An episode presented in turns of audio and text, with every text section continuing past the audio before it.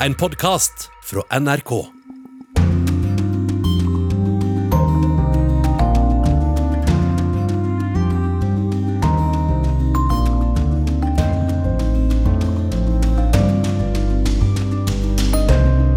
Hva vil dette nye året bringe av utfordringer ute i verden? Ettervirkningene av unntakstilstand året 2020 kommer til å prege EU-landene til neste år også. I Russland er det også pandemien som står øverst på dagsordenen i det nye året. Mange amerikanere er nå avhengig av hjelp fra frivillige for å få tak over hodet eller mat å spise. Koronasituasjonen, økonomiske konsekvenser, et Storbritannia utenfor EU, Kinas frammarsj og USAs politiske situasjon. Det skal du få høre mer om den kommende timen. Men for å forstå så trenger man et språk, og du skal få lære ladino. Og her i Istanbul, 500 år senere, lever etterkommerne og det spanske språket deres fremdeles. Heftige danseøvelser til eggende rytmer preger vanligvis starten av året i Brasil men i år så høres det slik ut på stadion. Det er stille og folketomt i det enorme stadionanlegget. Igjen er bare drømmen om alle magiske øyeblikk på dette stedet. Anders Magnus forteller i korrespondentbrevet om fremveksten av autoritære tendenser, ikke minst via internett og sosiale medier. Jeg klarer å holde meg, selv om jeg har lyst til både å le og gråte, og til å rope kan noen være så snill å slå av internett? Velkommen til Urix på lørdag, i studio Anja Strønen. Vi starter denne timen blant noen av korrespondentene NRK har i verden, for å høre hva de ser for seg som den største utfordringen i året som akkurat har begynt.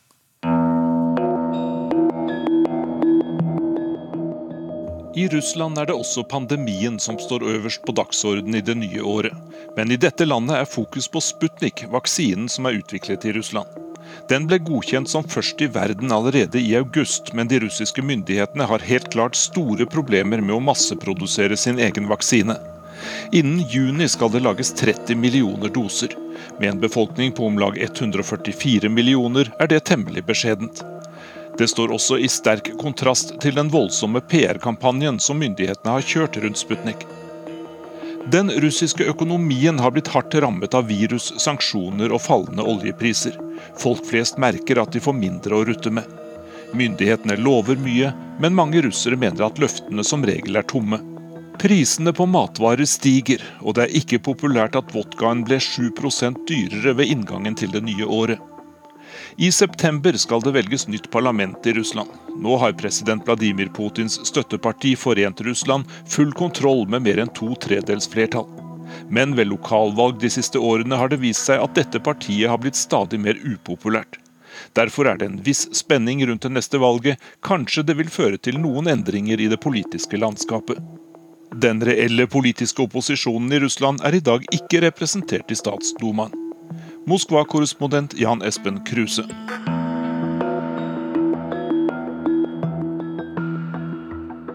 Her i Tyrkia er man spent på hvordan sanksjoner vil kunne ramme landet i 2021. Før jul straffet USA landet med sanksjoner fordi president Erdogan har kjøpt russiske raketter. Vil påtroppende president Biden forsøke å få til en løsning, eller vil han være tøffere mot Tyrkias sterke mann, slik han har signalisert? Også EU vil straffe Tyrkia med sanksjoner fordi tyrkiske skip har lett etter olje og gass i Øst-Middelhavet, i områder EU mener tilhører Hellas. Tyrkerne håper at ledere fra EU, USA, Nato og Tyrkia kan snakke sammen og bli enige, slik at økonomien i landet ikke forverrer seg ytterligere. I Iran holder folk pusten før Biden tar over etter Trump. Iranere flest håper at Biden greier å vekke til live atomavtalen igjen.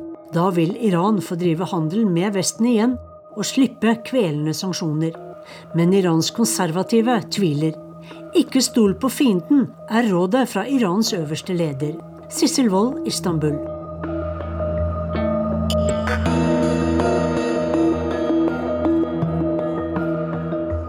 Her i Midtøsten er det knyttet stor spenning til hvilket land som vil være det neste i rekken som normaliserer forholdet sitt til Israel. Mange spør seg om 2021 blir året et av verdens mektigste muslimske land, Saudi-Arabia, bryter isfronten med den jødiske staten. Og hvis det skjer, hva kan det bety for resten av den muslimske verden, som i over 70 år har holdt Israel i fryseboksen pga. okkupasjonen av Palestina? Land som Bahrain, De forente arabiske emirater, Sudan og Marokko har allerede bestemt seg for å bli venn med Israel. Ekspertene kaller det et stort gjennombrudd for fred i Midtøsten, og æren går til avtroppende president Donald Trump og hans utradisjonelle diplomati. Så spørsmålet inn i 2021 blir vil Joe Biden videreføre denne Midtøsten-politikken til Trump, og vil Saudi-Arabia bli det neste landet som erklærer vennskap med Israel? Yama Wolasmal i Beirut.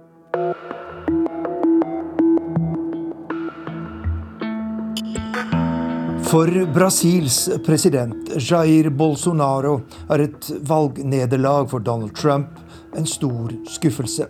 Bolsonaro er en stor beundrer av Trump, og samarbeidet mellom de to høyrepopulistene har gjort forholdet mellom Brasil og USA tettere enn på svært lenge. Med støtte fra Trump har Bolsonaro drevet en miljø- og klimapolitikk som innebærer omfattende avskoging i Amazonas. Med Joe Biden som president er det ventet at USA vil være svært kritisk til denne politikken. Donald Trump har ikke vært på et eneste bilateralt besøk i Latin-Amerika i sine snart fire år som president, og mange håper på et større engasjement fra USA i årene som kommer. Uansett er det ventet at Kina vil fortsette å styrke sitt økonomiske nærvær her i regionen på bekostning av USA. Arnt Stefansen, Rio de Janeiro.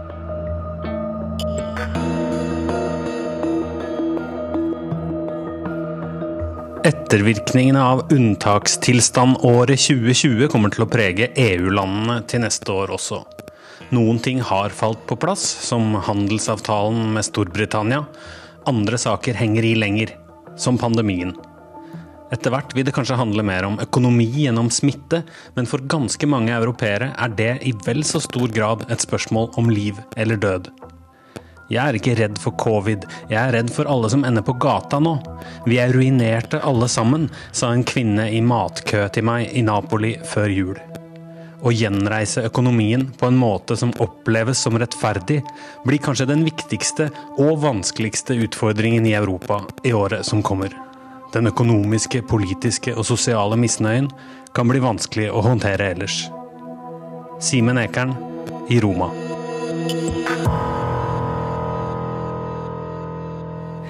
Ja, det er ikke tvil om at den pågående koronapandemien også vil prege 2021, slik våre korrespondenter rapporterte her. Og så langt så har 82 millioner mennesker fått påvist smitte på verdensbasis. 1,78 millioner er så langt døde, viser tall. Og kollega Halvard Sandberg, du har fulgt med på koronautviklingen fra dag én. Er det grunn til å være like pessimistisk til utviklingen det kommende året? Nei, overhodet ikke. Det er, eh, den store tingen har skjedd. Vaksinene begynner å rulle ut. Og når jeg sier det er ikke noe grunn til å være like pessimistisk for året som kommer, så gjelder det de rike landene i verden, og ikke de fattige. I Europa og eh, USA så er vaksineutrulingen eh, fullt i gang. Går litt treigere enn det man hadde håpet på, men er absolutt til stede og vil være det som gjør at pandemien går over løpet av 2021. Men hvor er det verst nå? Der det er verst, det er USA, Storbritannia. Det er der det foregår mest nå. Det landet som har blitt slått hardest gjennom hele pandemiperioden, er Belgia. Et land vi hører lite om når det gjelder eh, covid-19, men det er der de har hatt flest døde per eh, innbygger. Og den eh, ja, det kan hende at det blir stående, det tallet der. Selv om det ser veldig stygt ut for både Storbritannia og USA, hvor det mer eller mindre har mistet eh, kontrollen helt på utvikling. Ja, og så har vi nabolandet vårt Sverige som vi følger tett med på, som jo heller ikke har gjort det så bra. Jo, Sverige har gjort det bra, men de har gjort det mye dårligere enn oss. Ja, det er derfor vi bryr sant? oss så veldig mye om det. Så det å slå og banke på svenskene hele tiden, det er egentlig ikke noe særlig fruktbart, fordi at de ligger eh, godt an i forhold til eh, ja, veldig mange andre land i Europa. Det er bare at Finland og Norge og til dels Danmark har gjort det eksepsjonelt bra gjennom denne pandemien. Og da er det alle andre land blir da sånn hm, Hva har dere gjort galt? Nei, de har bare gjort det litt mindre bedre enn oss. Men de vi ikke hører så mye fra, det er jo store land som India, Afrika. Eh, Vi hører jo mest om eh, de som er oss nærmest. Hvordan, hvordan ser det ut eh, lenger ut i verden? Ja, det er det som er den store utfordringen. Da. Det er eh, La oss se, ikke, ikke så langt unna USA. Se på Mexico, et land som virkelig sliter og har slitt veldig lang tid med pandemien. Med høye dødstall. Et eh, ikke så rikt land. Hvordan skal de greie seg gjennom dette året? Det er ikke sikkert at de greier å få opp vaksinering så raskt der. Absolutt ikke. India det er jo en stormakt når det gjelder vaksine. De kan bli hjulpet av egen industri, men det er jo veldig, veldig, veldig mange mennesker. Og så har du hele Afrika, og så har du mange andre utviklingsland og middle som eh, har vært utenfor liksom, søkelyset, og som eh, denne pandemien vil vare og vare langt utover 2021. Ja, og så hører vi om disse nye variantene av viruset som er enda mer smittsomme. De siste tallene, hva var det oppi 33 land som bekrefter at de har fått denne nye varianten. Er det noe vi vil se enda mer av? Og ja, det er pandemi 2.0 som du ser eh, starten på nå. Og det, den vil endre eh, dynamikken. Det vil være vanskeligere for land med de si, nesten tradisjonelle virkemidlene som vi har blitt så godt kjent med, å holde dette under kontroll i 2021. Storbritannia er i starten av det. Eh, andre land i Europa, resten av Europa, er helt, helt i begynnelsen av det. Vil merke det om seks uker, to måneder eh, kanskje. Men det sammenfaller med vaksineutrullingen. Slik at vi vil ikke få disse store dødstallene ut av det. Vi vil få masse sykdom og folk som vil være syke og dårlige, men dødstallene vil ikke eh, merkes så hardt på at du nå har fått en ny variant av viruset inn.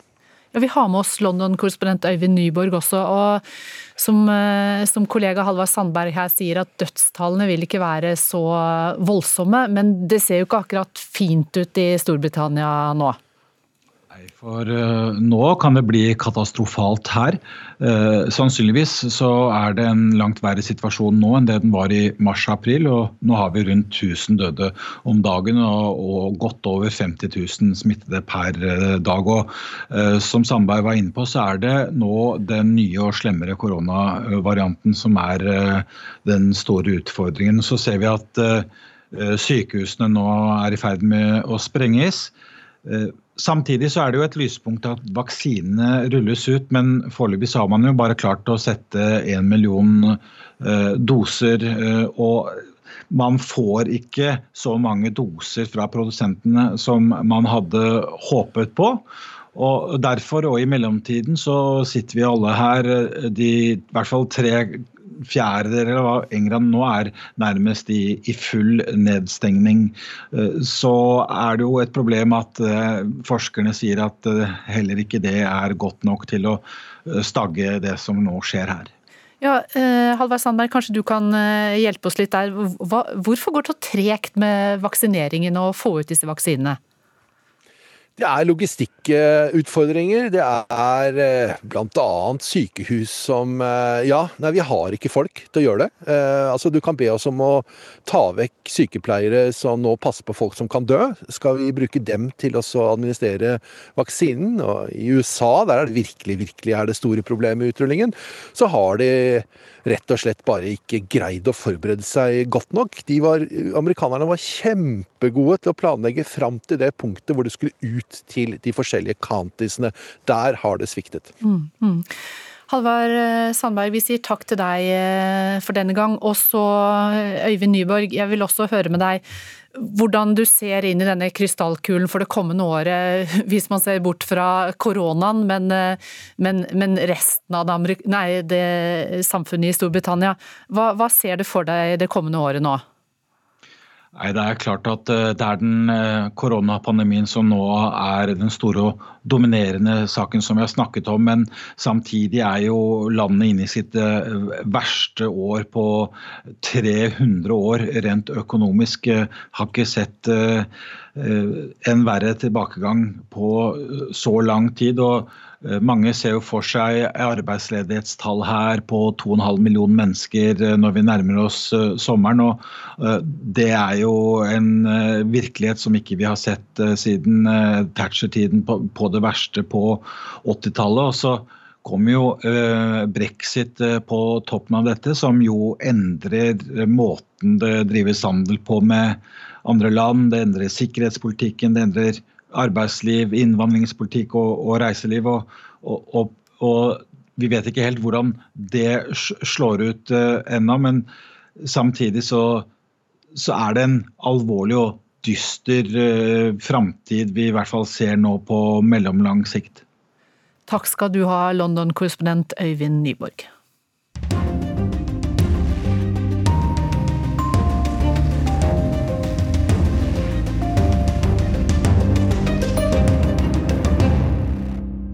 Vi skal fortsette å se inn i krystallkulen hvilke utfordringer året byr på.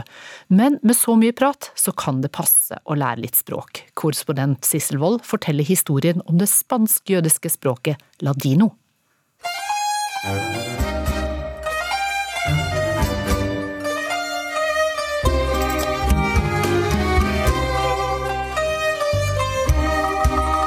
Musikken er uendelig vakker sprunget ut fra en rik, men dramatisk historie. Da romerne ødela det andre tempelet i Jerusalem for 2000 år siden, flyktet jødene. En del dro til Spania. Der skulle det jødiske samfunnet få en god periode i det muslimskstyrte Al-Andalus, med Cordoba som hovedstad. Vitenskap, litteratur, poesi, kunst og filosofi blomstret i årene mellom 900 til 1150 i det som også kalles den jødisk-muslimske gullalderen. Men derfra gikk det nedover. For kristne herskere var ikke like inkluderende. Med inkvisasjonen i 1492 ble bunnen nådd. Da stilte kong Ferdinand og dronning Isabella følgende ultimatum til jødene. Konverter til kristendommen, bli drept eller forlat landet. Det var da sultanen i det osmanske riket ønsket jødiske håndverkere, handelsmenn, leger og vitenskapsmenn velkommen. Tusener dro østover til Tessaloniki og Konstantinopel. Og her i Istanbul, 500 år senere, lever etterkommerne og det spanske språket deres fremdeles. Mas no estás abandonaste. Og det gjør også musikken på det spansk-jødiske språket ladino. Det er Karen Shahron som synger 'Dike no estadre', en tango på ladino. Jeg ringer henne på Zoom for å spørre hvordan et spansk middelalderspråk har overlevd til nå. Well, it's one of the rarest linguistic phenomena, actually. When the Jews arrived in the Ottoman Empire, that's in 1492, the Ottoman Empire had a very kind of. Det enorme osmanske riket hadde en spesiell regel for sine undersåtter. De lot minoriteter og religiøse grupper styre seg selv i dette millet-systemet, som det ble kalt. Osmanerne var bare interessert i at undersåttene betalte skatt. Og de tvang verken språk, kultur eller deres religion, som var islam, på andre folk, forklarer Shahron. Uh, Men språket overlevde vel også fordi kvinnene ble holdt hjemme, og for at de ikke skulle rote seg bort til tyrkiske menn, spør jeg. Well, uh, well, obviously the community uh, did not want to assimilate into the major culture. Man ønsket ikke at kvinnene skulle gifte seg ut av samfunnet, for det ville jo føre til assimilasjon. Men med opplysningstiden begynte dette sakte å endre seg. Kvinnene lærte etter hvert flere språk, og de utdannet seg, sier Shaharon. Hennes første språk var fransk hjemme, så tyrkisk og engelsk på skolen, og selvsagt ladino. Shahron er en ildsjel i Istanbuls jødiske samfunn. og hun er den som kjemper for at ladino ikke skal svinne hen. I 40 år har hun sunget med bandet Los Pasaros Sefaradis, som er gruppen bak denne tangoen.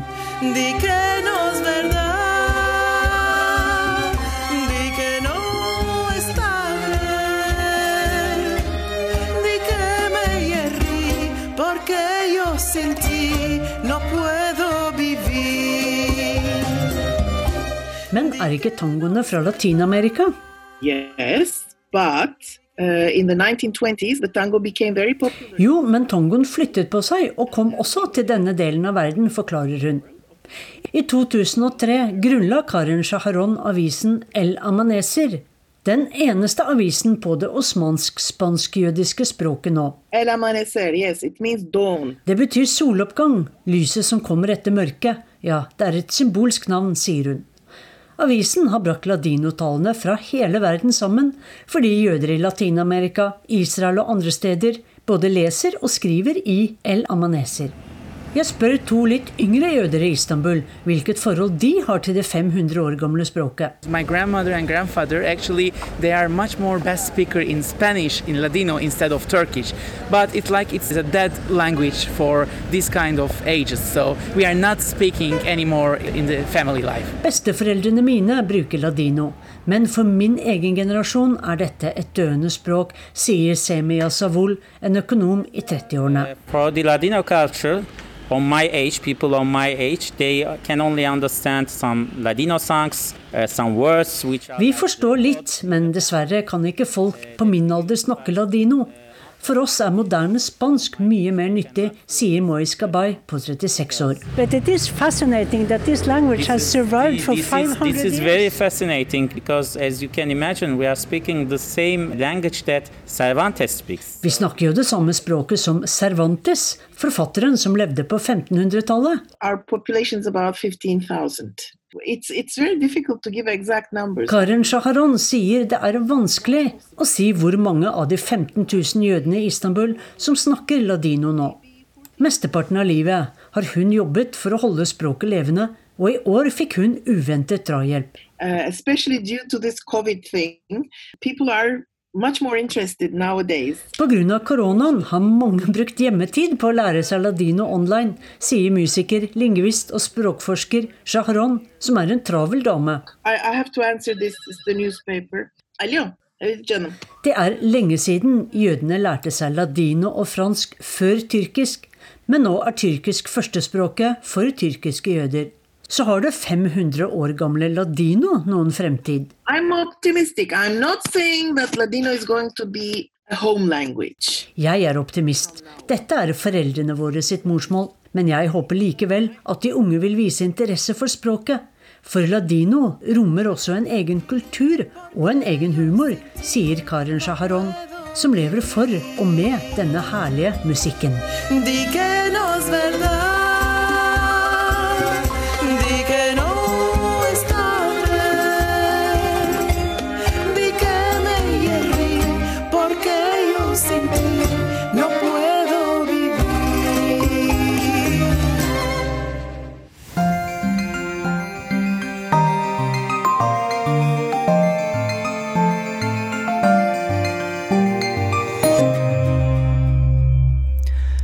til et helt annet språk og land. Vi forflytter oss til Kina. Landet der koronaviruset startet, og et land du følger særdeles godt med på utenriksmedarbeider Kristoffer Rønneberg fra Aftenposten. Velkommen. Takk for det. Med på linje fra fjellet. Jeg ser utover et veldig, et veldig fint og hvitt landskap. Du, vi griper fatt i det vi startet sendingen med, korona. Hvordan ligger Kina an der nå? Eh, Kina ligger veldig mye bedre an enn hva man hadde trodd i, eh, i februar-mars, da dette sto på som verst i, i Wuhan og i andre deler av, av Kina.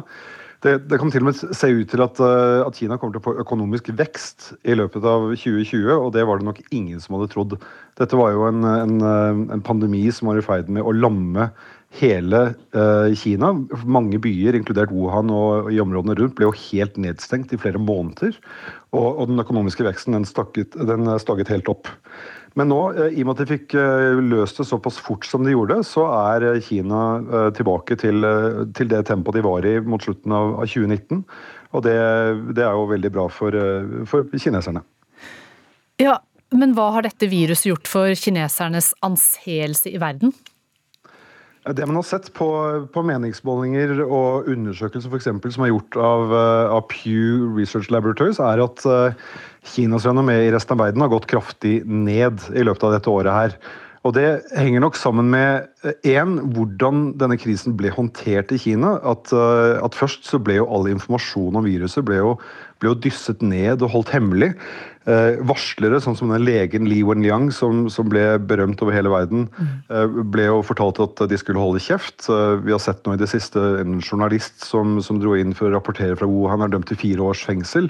Denne typen ting, at man ikke eh, man skjønte at noe alvorlig var i ferd med å skje i Kina, og så fikk man ikke helt vite hva det var. Det har, det har vært et veldig stort, eh, skapt et stort omdømmeproblem for, for, Kinas ledere. Så tror jeg heller ikke at det hjalp da de begynte å dele ut eh, eller utstyr eh, for eh, smittevern til resten av verden, at det var så tydelig at det kom med en politisk pris. At, eh, at de forventet noe i retur. Det, det, tror jeg også irriterte ganske mange folk, selv om man var takknemlig selvfølgelig for å få masker. Men det hjalp det heller ikke at en del av disse maskene og andre utstyret viste seg å være ubrukelig, bl.a. noe av det som kom til, til, Norge. Men tilbake til det du nevnte i, starten, Kristoffer Rønneberg. fordi at Du sa at likevel så går det nesten så det suser for Kina, eh, tross denne pandemien. Hva, hva er det som skjer? Det de klarte, var å slå ned på, uh, på, pandemien på en veldig effektiv måte. Ved å låse folk bokstavelig talt inne i husene sine i Wuhan og andre byer, så stanset de spredningen av, av viruset. Og nå, hver, hver, gang det dukker opp et enkelt smittetilfelle, så, så tester de jo millioner av mennesker. Så de, de, har vært veldig effektive i å stagge det. Og så sørger de nå for at ingen eh, kommer inn i Kina med mindre de er i, i karantene i lang tid, tvungen karantene. Sånn at eh, viruset holder seg på, på avstand. Så der har de jo lykkes på en måte som, eh, som vi i Europa og, og, i USA ikke har, har fått til på samme måte. Og innen kort tid så reiser et team fra Verdens helseorganisasjon til Kina for å bli klokere på hva som forårsaket viruset. Hva vil møte dem der?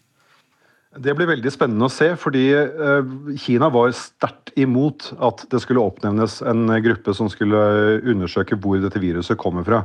Og Vi vet jo at de første smittetilfellene dukket opp i Wuhan, på, på det, det store markedet der. Men vi vet ikke hvor det hadde vært før det. Det er jo det dette teamet skal finne ut av. Eh, jeg tror det er ganske sikkert at de kommer til å bli møtt av mange stengte dører. Mange uh, tydelige beskjeder om at her er det ikke informasjon å hente. Uh, kinesiske myndigheter må, må, prøve å finne en, en, slags gyllen middelvei for dem, hvor de kan late som at de er åpne og gir den informasjonen Verdens helseorganisasjon trenger, uten at de faktisk gjør det. Fordi Det verste som kan skje for kinesiske myndigheter nå, det er at det blir bevist at dette viruset kom fra Kina, og at kinesiske myndigheter dysset det ned på en måte som gjorde at det spredte seg til resten av verden. For da, hvis det kan bevises, eh, så, så vil jo da Kina være ansvarlig for denne pandemien, og det ønsker absolutt ikke lederen i Beijing at, eh, at vi skal tro. Vi må også når vi ser inn i denne krystallkulen snakke om forholdet mellom Kina og USA. For helt fra starten så snakket Donald Trump om the China virus. Og nå har vi fått med oss eh, tidligere USA-korrespondent Tove Bjørgaas her i studio også. Velkommen til deg. Hva, hva tenker du at, eh, at eh, dette har gjort med forholdet mellom Kina og USA? Det er klart at tilliten mellom Kina og USA er tynnslitt nå, og mye av det Trump har gjort i forhold til Kina har jo vært populært i ganske store deler av den eh, amerikanske befolkningen.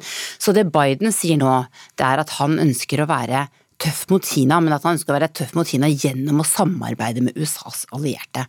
Men han har en formidabel utfordring her, fordi eh, vi ser jo nå USA ligger nede med brukket rygg etter det som Trump fortsatt kaller for Kina-viruset, mens Kina altså fosser videre. Og det er Kina som kommer til å komme styrket ut av denne pandemien. Det, det kan vi vel være ganske sikre på nå. Ja, Kristoffer Rønneberg, hvor står forholdet mellom de to stormaktene i dag, vil du si? Bare for å følge opp det Tove sier. Det, det kom en, eh, en, rapport fra en eh, britisk tankesmie nå rett før jul som viser at eh, pga. pandemien så kommer Kina til å gå forbi USA som verdens største økonomi allerede i 2028, og ikke i 2033, slik man tidligere trodde. Så den, det øyeblikket der Kina blir verdens største økonomi, det er altså flyttet fem år frem i tid pga. pandemien og pga. De, de ulike måtene de to landene har, har håndtert det på. Eh, og ellers er jeg helt enig. Jeg tror, jeg tror, ikke forholdet kommer til å bli noe bedre mellom USA og Kina, fordi USA eh, er jo verdens største stormakt, og de ser denne eh, nye stormakten fosse frem og overta en del av de posisjonene USA har hatt i resten av verden. Og den frykten for å miste hegemoniet og miste makten USA har ute i verden, den kommer til å bidra til at Biden også kommer til å bli veldig tøff i møte med, med Kina. Men han får en utfordring når han skal eh, samarbeide med, med, Europa. Sånn som Tove nevnte, at det ønsker han jo. Der er det kommet tydelige signaler allerede. F.eks. denne investeringsavtalen som EU inngikk med Kina nå rett før eh, nyttår. Ja, hva innebærer, kan du, Helt kort, Kristoffer Rønneberg, kan du bare si, hva, hva innebærer det? Det er en investeringsavtale som skal gjøre det lettere for europeiske selskaper å få tilgang det, til det kinesiske markedet. Og Det er jo en, en god ting, men det, det, gjør også at eh, da aksepterer man på en måte en del av problemene man har sett i Kina, som har vært veldig tydelige det siste året. F.eks. bruken av tvangsarbeid i Xinjiang, mm. hvor disse uigurene, minoritetsgruppen En million. Er blitt, en million som er blitt plassert i, i, i interneringsleirer. Og mange av dem også satt i tvangsarbeid. Og Det var noe mange hadde håpet at europeerne skulle få med seg i denne avtalen med Kina, men det, det ble ikke slik. De ville heller ha investeringsavtalen enn, enn, å en, enn, å stille et hardt krav om å få slutt på, på, dette tvangsarbeidet. Men det gjorde de da også til tross for at USA ønsket at dette skulle være en felles front eh, med USA og EU, i stedet for at eh, europeerne skulle gå, skulle gå alene til Kina. Og så har vel også eh, så har vel også USA vært veldig tydelig i forhold til Hongkong. Eh, og hva skjer egentlig der nå, Kristoffer Rønneberg? Dessverre så, så, er det som har skjedd i Hongkong i 2020, det som var worst case scenario i 2019, eh, at Kina har grepet inn på en måte som har klart å kneble eh, det frie samfunnet som var i Hongkong. Eh, der har amerikanerne faktisk reagert ganske kraftig. De har brukt eh, såkalte Magnitsky-lovverk, eh, hvor de kan straffe enkeltindivider som begår menneskerettighetsforbrytelser. Så Blant annet så har de stengt alle bankkontoene til hun som er den øverste politiske lederen i Hongkong, Carrie Lam. Carrie Lam. Hun må gå rundt med kontanter i, i leiligheten sin pga. dette her. Nå har EU og Norge innført tilsvarende Magnitskij-lovverk nå i desember i, i, 2020. Så kan man jo se om de også da vil være villige til å bruke det, selv om det helt sikkert vil få politiske kostnader. Men eh, Tove Bjørgaas, er det noe håp om eller tro om at eh, med Biden som ny president, så vil det være et ytterligere press på da Hongkong, på kineserne? Det er vel eh, slik nå, tror jeg, som Kristoffer er inne på her, at det er Kina som har the upper hand, og de Kina eh, ønsker ikke å gå inn i debatt med USA om dette her, på ingen måte. Så, eh, så det vestlige presset på, på, på, Kina i forhold til Hongkong kommer sikkert til å bli holdt oppe, men jeg tror at, at det er Kina som nå sitter med, med mye av makta her, altså. Da sier vi takk til deg, Kristoffer Rønneberg, utenriksmedarbeider i Aftenposten, som også har jobbet både i Kina og USA. Og så blir du sittende litt til, eh, Tove Bjørgaas, fordi at vi må snakke mer om utfordringene i USA. Og det er noen store politiske utfordringer rett rundt hjørnet. Blant annet så er det et uh, senatsvalg i Georgia, Georgia nå den femte. Hva er det som skal skje der? Da skal det bli avgjort hvilket parti som får flertallet i Senatet. Akkurat nå så er det slik at republikanerne har 50 senatorer, og Demokratene har 48, men så er det altså to senatsseter som måtte, Man måtte ha en andre valgomgang, og disse to skal avgjøres da 5. januar. Og, og, og hvis Demokratene skulle klare å vinne begge, så blir det 50-50 i Senatet. Da kan visepresident Camla Harris gå inn og, og stemme med Demokratene eh, i saker der man ikke er enig. Eh, det er lite sannsynlig at Demokratene kommer til å klare det, men, men det er altså ekstremt eh, mye som står på spill nå eh, for begge partier i dette veldig veldig polariserte politiske klima som jo gjør at, partiene stort sett bare stemmer med sine egne. Mm. Hvordan ser du for deg det politiske landskapet i USA det kommende året med en ny president? Ja, det er det, det, som skjedde faktisk i, går, eh, sier kanskje litt om hva, hva vi, vi, kan vente. Da eh, nedla faktisk eh, Kongressen Senatet for første gang veto mot Donald Trump eh, når det gjelder forsvarsbudsjettet, eh, som han eh, ikke ønsket å, å, å, skrive under på fordi, av, av flere årsaker. Men republikanerne har vist veldig liten vilje til å gå imot Trump. Og det som skjer faktisk dagen etter dette senatsvalget i Georgia, det er at da skal valgresultat, altså presidentvalget, godkjennes i Kongressen. Og nå er det en replikansk senator som heter Josh Hawley, som sier at han ønsker da å vise at han er imot valgresultatet. Altså han mener at Biden ikke har vunnet valget. Det kommer da sannsynligvis til å bli en avstemning i Senatet der republikanere må bestemme om de skal si ja, Biden har vunnet, eller nei, Biden har ikke vunnet.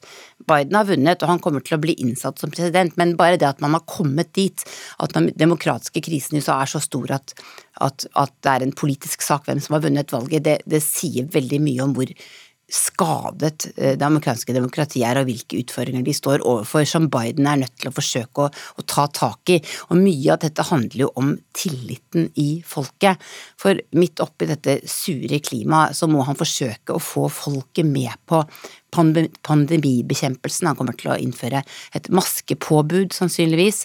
Man skal få distribuert disse vaksinene, men vi ser jo at folk i mye mindre grad enn i europeiske land respekterer reglene. Og en dag i romjulen her nå så var det altså det høyeste antallet mennesker som reiste med fly i USA siden mars. 1,3 millioner mennesker var ute og fløy. Og det kommer jo til å føre til økte smittetall, at folk flytter så mye på seg. Mm. Og så hørte vi helt i starten av denne sendingen eh, USA-korrespondent Veronica Westrin også si at realiteten for folk flest nå, det er at stadig flere de trenger hjelp til sånn grunnleggende behov som altså tak over hodet og mat. Ja, vi har sett lange køer i, disse matbankene, disse matlagrene rundt omkring i landet i månedsvis, og at stadig nye grupper kommer dit. Og først i, i forrige uke så ble det altså vedtatt en redningspakke som, eh, som gir alle amerikanske skattebetalere 600 dollar, altså ja, 5000 kroner, da. Det er jo ikke mye penger. Nei, ikke sant? Det er veldig lite eh, i, i, i, lomma. Eh, og, og, det er jo første gang siden april at de får en slik utbetaling. Eh, så, så, ledigheten har jo gått eh, noe ned, men det er fortsatt mange som, som sliter. Og bare det at man eh, ikke klarer å åpne skolen igjen. Altså nå har skolene f.eks. i Washington de vært bare hjemmeskole siden mars. Og de klarer heller ikke å begynne dette nye semesteret nå eh, med fysisk skole. Og Biden sier at det kommer til å koste titalls milliarder dollar å finne en måte å åpne skolene trygt på. Det er også i kampen mot Kina, altså i utdanningskampen mot Kina, et stort nederlag for USA. Og det at skolen har vært stengt i et helt år, eh, barna må være hjemme, eh, da må jo stort sett også en av foreldrene være hjemme, og i USA så er det typisk at det er mor. Da er det typisk mor, og det eh, forskerne mener er at det pandemien fører til USA, er at det er mange som ikke kommer til å komme tilbake til arbeidslivet, og det gjelder spesielt kvinner. Det er mange kvinner som har trådt ut av arbeidslivet fordi de måtte være hjemme med barna sine. Det er jo også en del kvinner som allerede var hjemme med barna sine, men som har blitt lærere, rett og slett. Fordi mm. selv om at mange skoler har hatt gode tilbud for, for barna på hjemmeskole, så, så, er det noen strukturelle ting som skjer når det er så store endringer. Eh, og jeg tror nok også vi vil se andre store forandringer i USA. En veldig spennende ting er hva som skjer vil se med storbyene, med f.eks. næringseiendom. Hva, vil f.eks. folk fortsette å reise inn til Manhattan i New York for å jobbe? Mm. Eh, vil disse kjempedyre skyskraperne fortsatt være like dyre å leie kontorer i, eller vil folk sitte hjemme i mye større grad i, i mange, mange år fremover? Mm. Mm. Fins det noe som helst lyspunkt oppi dette her eh, kommende året, Tove Bjørgaas? Ja, disse vaksinene er jo det store lyspunktet. Mm. Det har jo gått utrolig mye bedre enn mange hadde trodd. På rekordtid har vi klart å få godkjent tre vaksiner nå, eh, og de har veldig høy eh, sikkerhet ifølge selskapene som lager dem, og også ifølge kommisjonene som godkjenner dem. Eh, og så er det jo også slik at, at amerikanerne har reist seg mange ganger før, og at verden nå skal dra sammen ut av dette. Og det Biden i alle fall kommer til å gjøre, er jo å sette i gang et storstilt samarbeid om, på, på med, altså med, WHO og også med eh, eksperter rundt omkring i Europa for å, å, koordinere innsatsen med vaksinene, og også når det gjelder reising og den typen ting. Så, så, så, så det, det vil jo verden vil jo dra sammen nå på en annen måte, tror jeg, enn det vi har sett under Trump. Eh, og så blir jo spørsmålet da eh, hvordan den amerikanske befolkningen vil respondere på dette. Eh, om de da vil eh, være fortsatt like splitta, eller, eller, om det går an å, å, møtes når man kanskje ser at, at det går eh, litt bedre nå utover i, i dette året. Takk skal du ha, Tove Bjørgaas, og det blir mer om USA i korrespondentbrev om litt.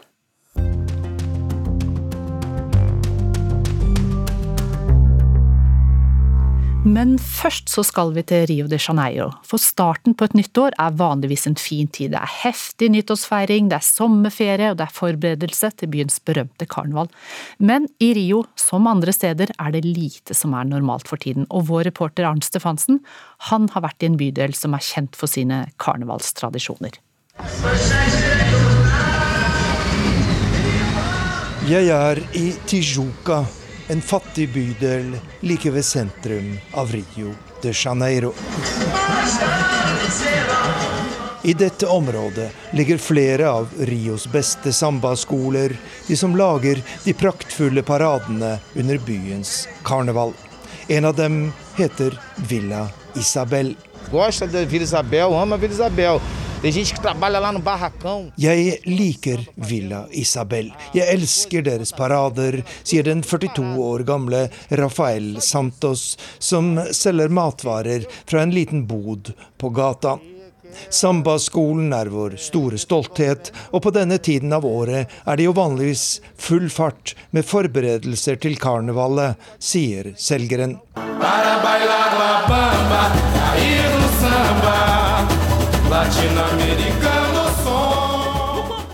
for noen år siden ble Villa Isabel kåret til Rios beste sambaskole under den verdenskjente karnevalsparaden. Skolen fremførte en gnistrende forestilling til ære for Latin-Amerikas store frigjøringshelt Simon de Bolivar. Men nå er fortidens triumfer bare et blekt minne. I skolens kultursentrum, der øvelsene foran karnevalet vanligvis pågår, er det ingen aktivitet. Det eneste jeg møter, er en gruppe alvorstunge menn. O que é certo no momento é que não vai ter carnaval, entendeu? E estamos tentando agendar para julho. Det som er sikkert, er at det ikke blir noe karneval, sier Kultursenterets direktør Fabiano Cardoso. Det skulle ha vært nå i februar, men pga. koronapandemien er det avlyst. Vi håper at det kan holdes i juli, men alt avhenger av hvor raskt det går med vaksineringen, sier han. Og uten karnevalet er det mye som stopper opp i den fattige bydelen. Muito triste. É muito triste que a gente vê muitas famílias que precisavam e precisam dessa renda. Det er svært trist, sier direktøren. Flere hundre mennesker arbeider vanligvis med å lage drakter og annet utstyr til paraden. Dette er fattige folk, ofte med store familier, som nå er uten inntekt og avhengig av ulike typer nødhjelp, sier lederen for kulturhuset til Villa Isabel. Jeg forlater bydelen og drar til stedet der Rios karnevalsparader holdes. Jeg står foran Rios sambastadion Sambodromo den er tegnet av Brasils verdenskjente arkitekt Oscar Niemeyer og har plass til 80 000 tilskuere. I fjor på denne tiden var det slik her.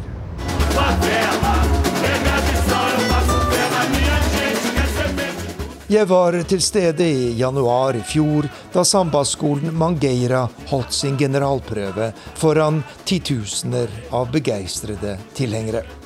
Rundt 4000 mennesker deltar i en slik parade.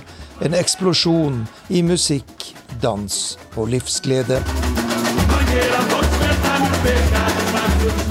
Men i dag er det slik på Sambodromen.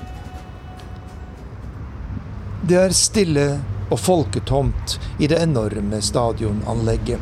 Et kraftig blåmalt gjerde holder folk borte, og porten er stengt med en stor hengelås. Igjen er bare drømmen om alle magiske øyeblikk på dette stedet.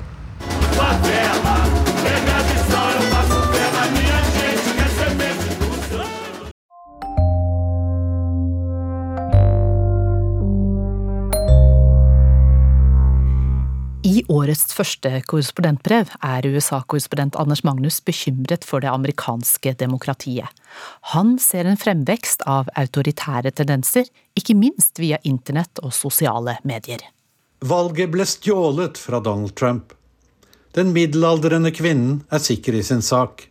Svikefulle demokrater har organisert valgsvindelen, mener hun. Hvor har du det fra, spør jeg. Fra internett, svarer hun med overbevisning. Der har hun sett utallige mennesker stå fram med vitneprov på hvordan fusk har foregått. En annen, middelaldrende mann forklarer meg hva som ligger bak pandemihysteriet. Alt snakk om virus er bare svindel. Kina og demokratene står bak, sier han. Hvor har du fått den informasjonen fra? Fra internett. Det finnes masse bevis der, bare å lete. Jeg klarer å holde meg, selv om jeg har lyst til både å le og gråte, og til å rope kan noen være så snill å slå av internett? Det velsignede internettet inneholder milliarder av budskap med feilinformasjon, løgner og konspirasjonsteorier. Millioner av mennesker tror på dem med religiøs overbevisning. Akkurat nå er Donald Trump ypperste prest i konspirasjonskirken. Siden valgnatten har presidenten holdt fast ved at han er den rettmessige vinneren. Tilhengerne tror på ham. Flere undersøkelser viser at rundt tre fjerdedeler av de republikanske velgerne er overbevist om at Trump vant valget. Mange av de såkalte bevisene er ren og skjær komikk. Svigerdatter Lara Trump argumenterer med at presidenten hadde mange flere tilhengere på sine valgmøter enn Biden. Ifølge henne beviser det at stemmetallene for Biden må være forfalsket. Et annet absurd argument fra presidenten selv er at han vant fordi bookmakerne spådde at han kom til å vinne. Andre bevis er rene konspirasjonsteorier. Advokat Sidney Powell er en av Trumps mest aktive støttespillere. Hun hevder at valget ble stjålet med hjelp fra Cuba, Venezuela og Kina, og at programvaren i stemmetellingsmaskinene byttet om stemmene fra Trump til Biden. Alt er avvist av Trumps eget sikkerhetsdepartement, som erklærte at dette valget var det tryggeste i USAs historie. Etterpå sparker Trump embetsmannen som frontet denne konklusjonen. Sidney Powell har også støttet QAnon-konspirasjonen. Den hevder at USA styres av en hemmelig samfunnselite av pedofile som driver internasjonal sexhandel med barn, dyrker Satan og forsøker å styrte president Trump i et kupp. Barack Obama, Hillary Clinton og liberale Hollywood-stjerner skal være med i denne eliten. Også president Trump har omfavnet QAnon. Han foreslo nylig at Sidney Powell burde bli utnevnt til spesialetterforsker for å undersøke valgsvindel. Hvorfor fortsetter presidenten denne kampanjen om at han egentlig har vunnet valget, etter at hans advokater har tapt snart 60 søksmål i rettssystemet? Svaret er penger. Hittil har han fått inn over to milliarder kroner fra tilhengere som tror fullt og fast på at han er valgets rette vinner. Trump har et magisk grep om sine kjernevelgere. Jeg har ofte truffet amerikanere som mener at han er en slags helgen sendt fra Gud. Enda flere har beskrevet ham for meg som den ærligste politikeren de har opplevd. Alle konspirasjonsteoriene og Trumps utallige forsøk på å benekte at han tapte valget, kunne vært morsomt hvis det ikke var så skummelt. I Georgia har selv republikanske folkevalgte mottatt dødstrusler etter at de godkjente Biden som vinner. I flere delstater måtte delegater ha politieskorte når de skulle avgi sine stemmer i valgkollegiet. Også de var truet med å bli likvidert. Dette er de kortsiktige, farlige konsekvensene av presidentens retorikk.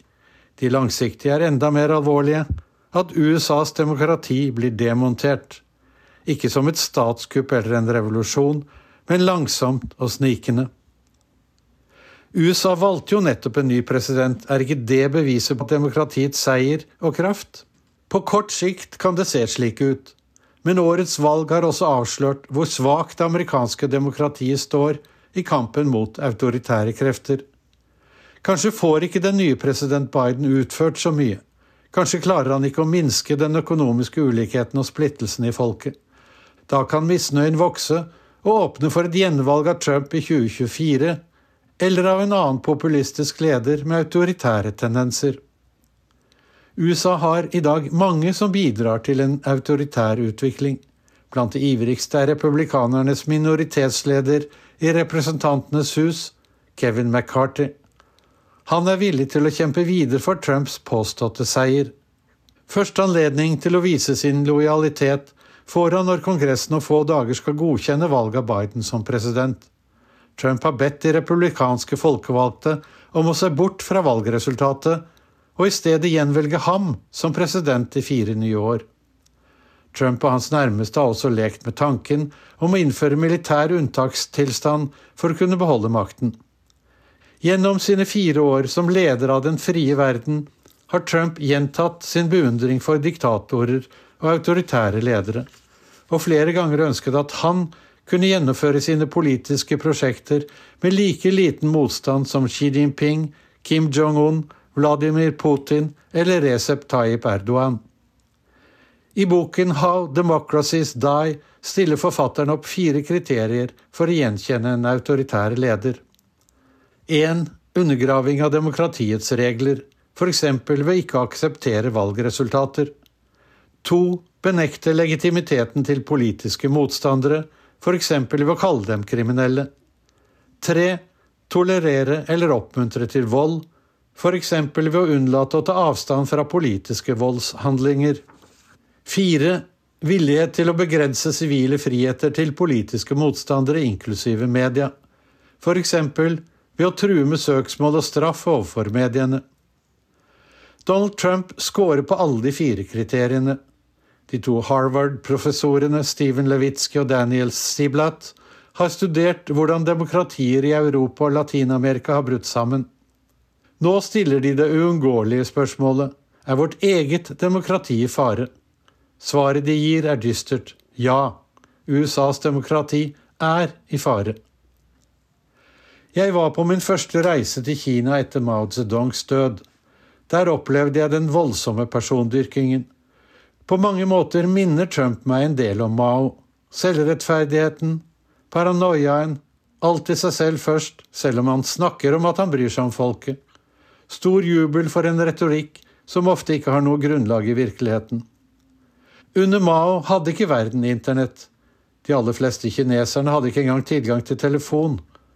Tidligere president Bill Clinton trodde at nettet ville knuse diktaturene slik mange også trodde under demokrativåren i Midtøsten. De tok feil. I autoritære land har internett skapt større ensretting, i demokratier økt splittelse. Kinas kommunistparti under ledelse av Xi Jinping har utviklet nettet til et nærmest uslåelig redskap for å kontrollere folket og opprettholde partidiktaturet. Hver eneste dag utnyttes verdensveven av autoritære krefter i Russland, Kina, Nord-Korea, Iran og Tyrkia til å undergrave demokratier verden over. Målet er å skape mistillit og så splittelse.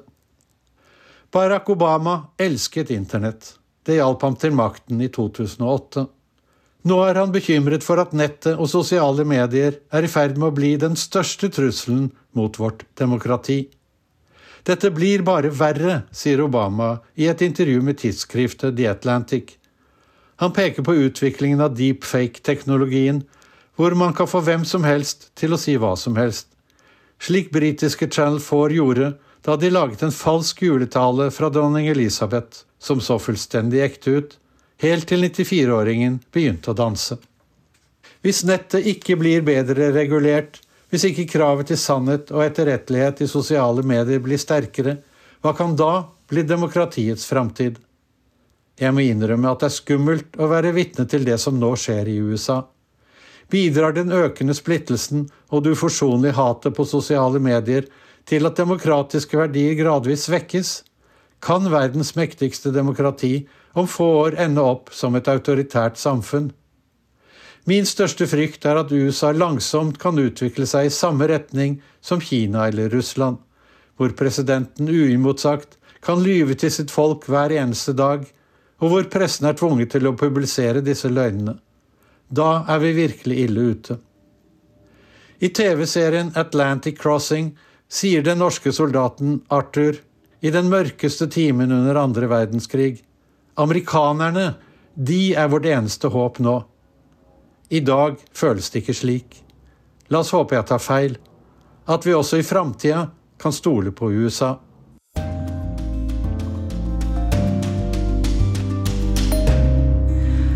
Og til slutt i denne Urix på lørdagssendingen så tar vi med et par positive utenriksnyheter. Ved nyttår er Kasakhstan blitt hittil det siste landet som har avskaffet dødsstraff. Den tidligere Sovjetrepublikken har latt være å henrette dødsdømte fanger de siste 17 årene, men det er først nå at loven er endret. Landet har fortsatt å utstede dødsdommer for svært alvorlige forbrytelser, f.eks. For terrorisme, og den nye loven ble undertegnet av presidenten i romjula. Og med det så ble alle dødsdommer omgjort til livsvarig fengsel i Kasakhstan. Og fra i går så er Norge medlem i FNs sikkerhetsråd. Mandag er første arbeidsdag, og flaggene til de nye medlemmene heises ved FNs hovedkvarter i New York. Utenriksdepartementet har brukt minst 34 millioner kroner over 13 år for å skaffe Norge plassen som ble bekreftet etter en avstemning 17. juni i fjor. Ved siden av Norge så er India, Irland, Kenya og Mexico nye medlemmer for de neste to årene. Da går Urix på lørdag mot slutten. Du kan se eller høre en ekstra nyhetssending fra NRK nå på NRK1 og i NRK Alltid nyheter. Her i NRK P2 er det straks ukeslutt. Teknisk ansvarlig Helje Svensson, produsent Jon Branes, i studio Anja Strønen. Du har hørt en podkast fra NRK. Hør flere podkaster og din favorittkanal i appen NRK Radio.